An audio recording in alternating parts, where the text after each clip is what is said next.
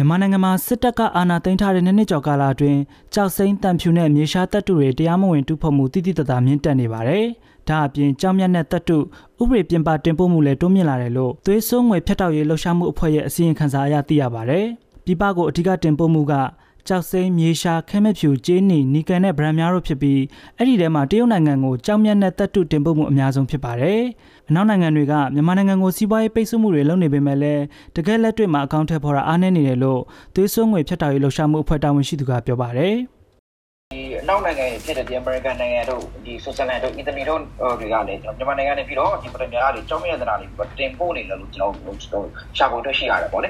အာ2021ခု96တန်းလောက်ကြီးတင်ပို့ကြောင်းချတာကျွန်တော်ပြောတယ်သူတို့နိုင်ငံတို့တင်သွင်းခဲ့တာတွေ့ရတယ် ဒီ2022ကျတော့လည်းတာသွားတယ်ပေါ့လေ25တန်းပို့လောက်ဒီတော့တင်သွင်းခဲ့တာကိုကျွန်တော်တွေ့ရဖြစ်ပါတယ်အဲဒီတစ်ချက်ကကျွန်တော်လည်းစိုးရရတယ်ပေါ့လေကျွန်တော်မြန်မာကြောင်းမြတ်ရောင်းဝယ်လုပ်ငန်းကိုလည်းဒီ EU ပါဝင်ကျွန်တော်ဒီအမေရိကန်နိုင်ငံကဒီဝိုင်းပိတ်ဆို့မှုတွေကျွန်တော်ဒီချမှတ်ခဲ့တယ်ဟိုဟိုအခြေအနေမှာရှိတယ်ပေါ့လေအဲဒါပေမဲ့အဲ့ဒါတွေကတကယ်တကယ်လက်တွေ့မှာဒီအကောင့်တွေပေါ်တဲ့နေရာမှာဒီအားနည်းချက်ရှိရတော့ဒီတရားကိုကြည့်ချင်ပြီးကျွန်တော်ဟိုအတွေ့ရမှာဖြစ်ပါတယ်။လွန်ခဲ့တဲ့နက်တော်ကာလအတွင်းမှာ ကျွန်တော်ဒီတရားမဝင်ဒုက္ခမှုဖြစ်ဖြစ်ကျွန်တော်ဥပဒေပြင်ပနေပြီးဒုက္ခမှုတွေအရင်အောင်ရက်တက်လာဆိုပြရတယ်။ကျွန်တော်ကျွန်တော်ပြောဒီဒီ committee မျိုးစားတွေပေါ့ဒီဒါဒီကြောက်စိမ့်မြေရှာခဲမဖြူရတာတွေအကုန်လုံးဟာဒီအစပေါင်းများဆိုတော့တိုးလာတာကိုမျက်နှာကိုကျွန်တော်တွေ့ရတယ်။နိုင်ငံခြားကိုတင်ပို့မှုတွေများလာတယ်ဆိုပေမဲ့စက်စက်ကောင်တွေဝင်တဲ့အခွန်ပမာဏကအရာတော့မရှိတော့ဘူးဒီအထူးသဖြင့်ဒီတက်ထွေးနဲ့ကြောက်မြက်ကဏ္ဍပေါ့လေဘာဖြစ်လို့ဆိုတော့ဒီညင်ပြင်းမှာသူတို့ဒီစကားစားနေနဲ့ဒီလွမ်းမိုးနိုင်စွာဒီချင်းချုံနိုင်စွာအရင်အားနေတဲ့ကြောင့်မလို့ ဒါနိုင်ငံခြားကိုဖတ်နေရဆိုမဲ့ဒီအားနေပြီးတော့တူးဝမှုကနေပြီးတော့စကားစားတဲ့ဝင်တာလည်းဟိုအရင်ကလည်းမရှိတော့ဘူးပေါ့လေ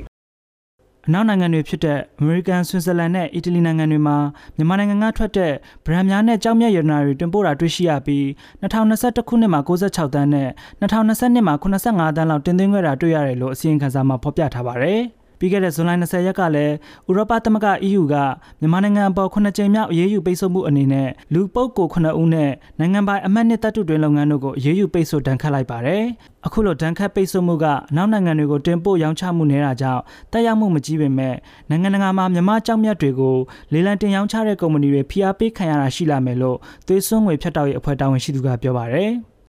အမတ်နဲ့တတုတွင်လုပ်ငန်းကိုတတုတွင်လုပ်ငန်းမှာသူကနိုင်ငံပိုင်စီးပွားရေးလုပ်ငန်းတစ်ခုရှိရပေါ့လေတစ်ခုရှိတဲ့အထဲမှာဒီအမေရိကန်နိုင်ငံဆိုတဲ့ဟာကိုပိတ်ဆို့ရေးပါရှိတယ်ဒါအမတ်နဲ့ဆိုရင်ကျွန်တော်ဝါရီပါပေါ့ရွှေဒူးလာတွေပါမယ်မတ်တက်ကတော့အရင်ကတည်းကနေသူကကျွန်တော်မမီတလောက်ဆိုရင်ဒါ sanction နေပါရဲ့ဒါလောက်ထားပြီးတာသူကတက်ရောက်မှုနေဆိုရင်တော့တကဘာလုံးအဆက်မှာဆိုတော့တိတ်တော့မရှိဘူးပေါ့လေဘာလို့ဆိုတော့ဒီတထုကဏ္ဍနဲ့ပတ်သက်လို့ချင်းကျွန်တော်ဒီအနောက်နိုင်ငံတွေကိုတင်ပို့ရောင်းချတာနေတာကိုတော်တော်များတရုတ်နိုင်ငံကိုပဲကျွန်တော်တင်ပို့တာဖြစ်တယ်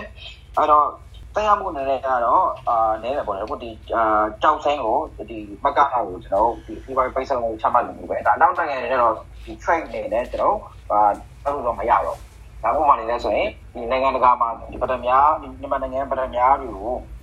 ဒီလန်ဒီမှာရောင်းချလို့ရှိတော့အဲ့ဒီလန်ဒီရောင်းချတဲ့ company ကအရင်ဖိအားပေးခံဒါမြန်မာနိုင်ငံမှာဖြစ်ပြနေတာသူတို့ plan ruby တော့ဘာလို့လဲပြောမှာဖိအားပေးတိုင်းခိုင်းဖြစ်လာတယ် နောက်ဆုံးဒီဖြစ်ခဲ့တဲ့ခုဆိုရင်ဒါ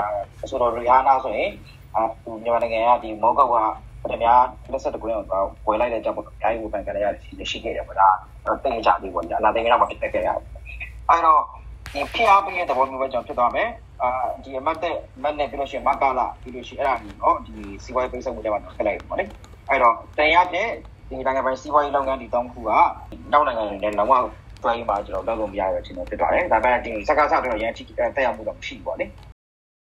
အာနာသိန်းနှစ်နှစ်ကျော်ကာလအတွင်းကြောင်မြတ်တဲ့တပ်တုတွေပြည်ပကိုတရားမဝင်တင်ပို့မှုမြင့်တက်လာပေမဲ့စစ်ကောင်စီရဲ့ဗန်နာရေးကိုဝင်ရောက်ခဲ့ခြင်းမရှိပါဘူး။ဒါပေမဲ့စစ်ကောင်စီရာခိုင်နှုန်းပြည့်ထိန်းချုပ်နေတဲ့ကျင်းဒီနဲ့နီကယ်ရောင်းချမှုတွေကတော့စစ်တပ်ရဲ့ဗန်နာရေးကိုအပြည့်အဝစီးဆင်းနေစေလို့တပ်တုတူဖို့ရေးကဏ္ဍလေးလာသုံးသက်သူတွေကပြောပါရယ်။ ပြီးခဲ့တဲ့နှစ်နှစ်တာအတွင်းမြန်မာနိုင်ငံကနေပြည်ပကိုတပ်တုနဲ့ကြောက်မြတ်တင်ပို့မှုစုစုပေါင်းတန်ဖိုးဟာ2021ခုနှစ်မှာအမေရိကန်ဒေါ်လာ3.4ဘီလီယံကျော်ကနေ2022ခုနှစ်မှာ6.2ဘီလီယံအထိရှိခဲ့ကြောင်းသွေးစွန်းငွေဖြတ်တောက်ရေးအစီရင်ခံစာမှာဖော်ပြထားပါတယ်။ကျွန်တော်ဇွတ်တစ်ပါ